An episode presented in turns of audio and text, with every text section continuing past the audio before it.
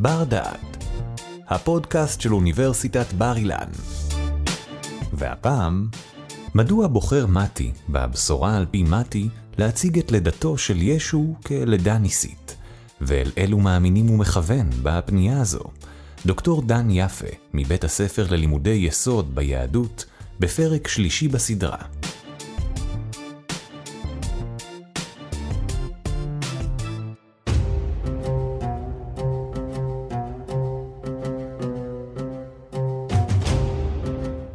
האם ישו היה אל?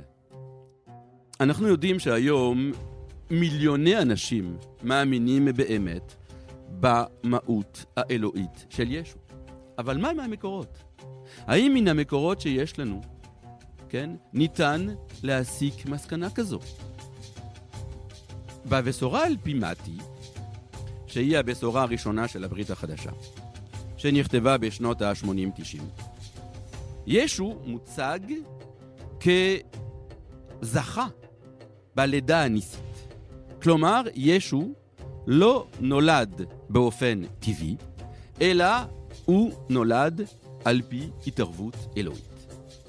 הסיפור אומר לנו שהרי יוסף, אביו, רואה שאשתו מרים בהיריון, והוא חושב שהיא בגדה בו.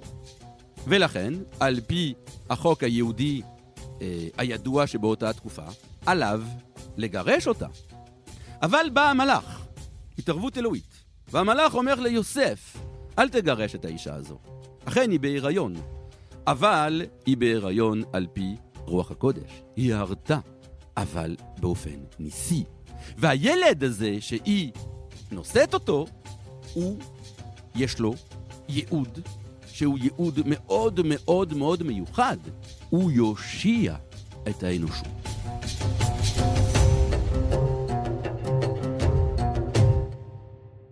כדי להוכיח שישו אכן נולד על פי אה, רוח הקודש, הבשורה על פי מתי אה, מצטטת פסוק. פסוק מספר ישעיהו בפרק ז'. שם בפרק הזה מדובר על אות שנותן האל, והאות הזה הוא בעצם אה, לידתו של ילד, אה, סימן אלוהי, והילד הזה שייוולד נקרא עמנואל. עמנואל האל איתנו.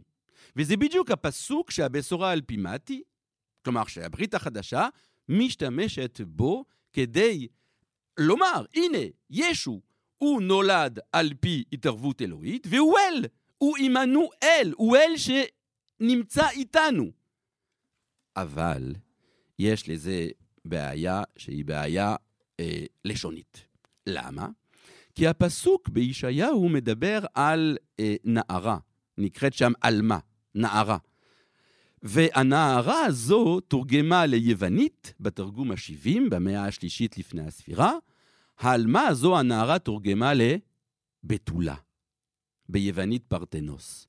כלומר, אם אתם מבינים אותי, אני מנסה לומר שהרי מתי, כדי להציג את הלידה הניסית של ישו, מסתמך על פסוק שהוא פסוק מן התנ"ך, כן? כלומר, מספר ישעיהו, פרק ז', שם הוא לוקח אותו, בגלל השם עמנואל, והוא מצטט אותו בתוך הבשורה על פי מתי. והפסוק הזה מדבר על איזושהי נערה שיולדת בן, והבן הזה הוא עמנואל. אבל הנערה, השם נערה, עלמה בעברית תנכית, השם הזה תורגם לבתולה, פרטנוס ביוונית. ומן האמירה הזו, או מן הציטוט הזה, נובעת האמונה הנוצרית בלידה הניסית של ישו. מה שמעניין הוא לשאול את עצמנו, למה? למה מתי חשוב לו להציג לנו דמות אלוהית, פלאית? דמות שהרי לא נולדה באופן טבעי. מתי מפנה את דבריו לציבור יהודי, והוא בא ואומר, הנה, המשיח שאני מדבר עליו הוא המשיח שאתם מחכים לו. הוא לא רק משיח, הוא גם רצוי על ידי האל. זה האל ששלח אותו. עובדה, הוא לא נולד כמו שנולדו כל האנשים האחרים, אלא הוא נולד בנס. אבל אם אנחנו מסתכלים על המקורות של אותה התקופה, כן, ואפילו על תקופות קדומות יותר, רואים שהאמונה הזו בדמות שנולדת באופן ניסי, זה דבר מאוד מאוד נפוץ. כן? למשל, אנחנו יודעים שהמוטיב הזה של הבתוליות ולידתו של בן אלוהים, כן, מבת תמותה, ידוע היטב במיתולוגיה היוונית. למשל, דיוניסוס נולד לאל זהוס ולסמלה, שהיא נסיכה, כן? והייתה בת תמותה.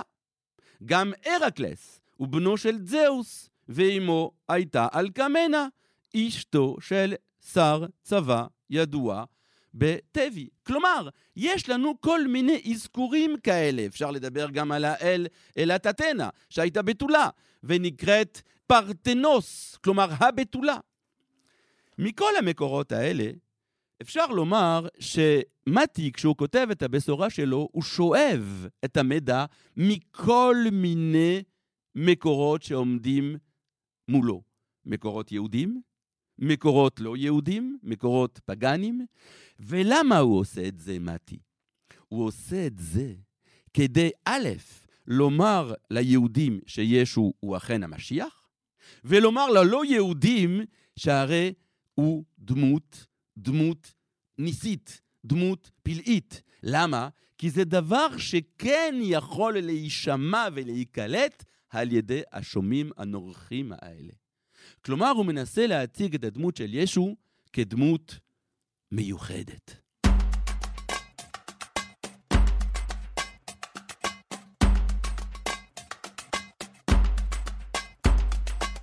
וזה השלב אה, להעיר פה הערה מתודולוגית חשובה. בפרק הקודם דיברתי על המקורות השונים אה, שמזכירים את ישו.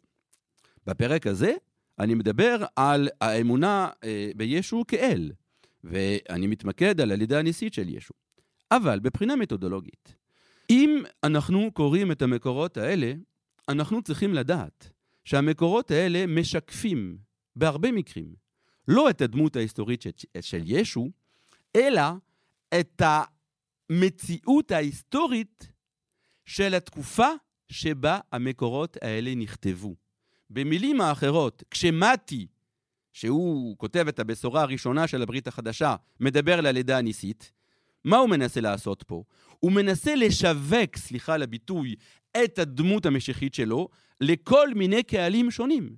והרי המקורות האלה משקפים יותר את המציאות, כן, הנוצרית של שנות ה-80-90, מאשר את המציאות ההיסטורית של ישו. כל זה מביא אותי הבחנה מאוד מאוד חשובה מבחינה היסטורית.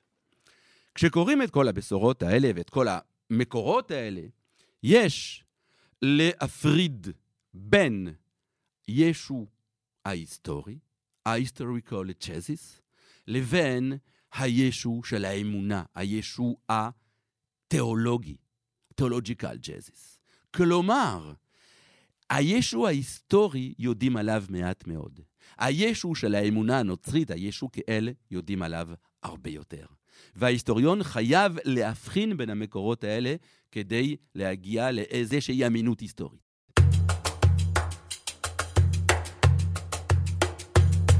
לגבי השאלה אה, שקשורה לאלוהותו של ישו, אם אנחנו מתחקים לאחר הבשורה על פי מתי, רואים שברוב הבשורה הזו ישו מוזכר כאדם. אדם, ואני אתן לזה דוגמה. רק בסוף הבשורה, לאחר שישו נצלב, נקבר וקם לתחייה, אז אנחנו חוזרים בפרקים האחרונים של הבשורה הזו לרעיון הזה של ישו כאל.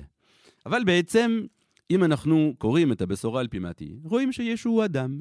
הוא אדם, אדם, נביא, משיח, אבל אדם. למשל, בפרק אה, חמישי של הבשורה על פי מתי, כן? מתי כותב, הוא כותב במיוחד על היהודים. ועל פי רוב המחקרים היום, מתי בעצמו היה יהודי. יהודי נוצרי כמובן, כלומר יהודי שמאמין במשיחיותו, נבואתו של ישו. אבל מה הוא כותב, מתי? הוא כותב שישו, ואני מצטט את הפסוק כי הוא מאוד חשוב, אני בפרק חמישי, כן? פסוק י"ז, אל תחשבו שבאתי לבטל את התורה או את הנביאים או את דברי הנביאים. לא באתי לבטל, אלא לקיים אותם. כלומר, מתי בשנות ה-80 שם בפיו של ישו את הרצון הזה לקיים את התורה. לקיים את דברי הנביאים, ולא לבטל כלום. והוא מוסיף אפילו, אמן, אומר אני לכם, עד אשר יעברו השמיים והארץ, אף יוד אחת או תג אחד לא יעברו מן התורה, בטרם יתקיים הכל. כלומר, הדמות שמוצגת פה על פי מתי, וזו נקודה חשובה, היא גם אלוהית והיא גם אנושית. וזה בדיוק האמונה הנוצרית היום. היום האמונה הנוצרית מבוססת על ישו כדמות אלוהית וישו כדמות אנושית, כן? עכשיו, היסודות של האמונה הזאת נמצאים כאן, במתי ובבשורות הנוצריות. ישו לא בא כדי לבטל את המצוות או את התורה. בלי להיכנס לשאלות שקשורות לפסוק הזה, אני רק רוצה לומר שהפסוק הזה הוא לא כל כך פשוט כמו שהוא נראה. כי על מה הוא מדבר ישו? או על מה הוא מדבר מתי ליתר דיוק? מה זה התורה שהוא לא רוצה לבטל? האם זה התורה שבכתב? האם זה התורה שבעל פה? האם התורה שבעל פה, התלמוד, כבר נכתב באותה התקופה? לא, עדיין לא. אפילו המשנה לא נכתבה באותה התקופה. אז מה ישו בא כדי לקיים? בין כה וכה, ישו מוצג פה כדמות אנושית, כדמות של יהודי, וכדמות שבא כדי כן לחולל שינוי, אבל לתוך החברה היהודית עצמה.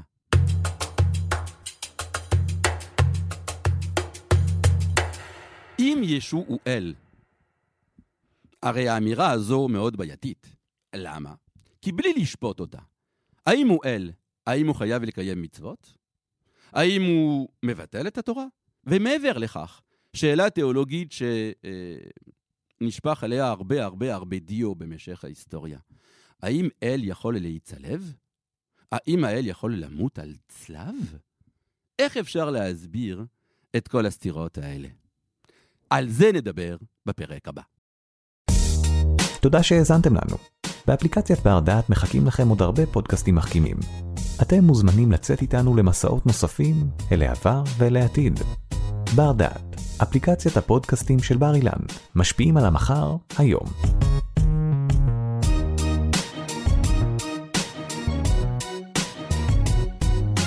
עורך דור קומט, מפיק ראשי אורי טולדנו.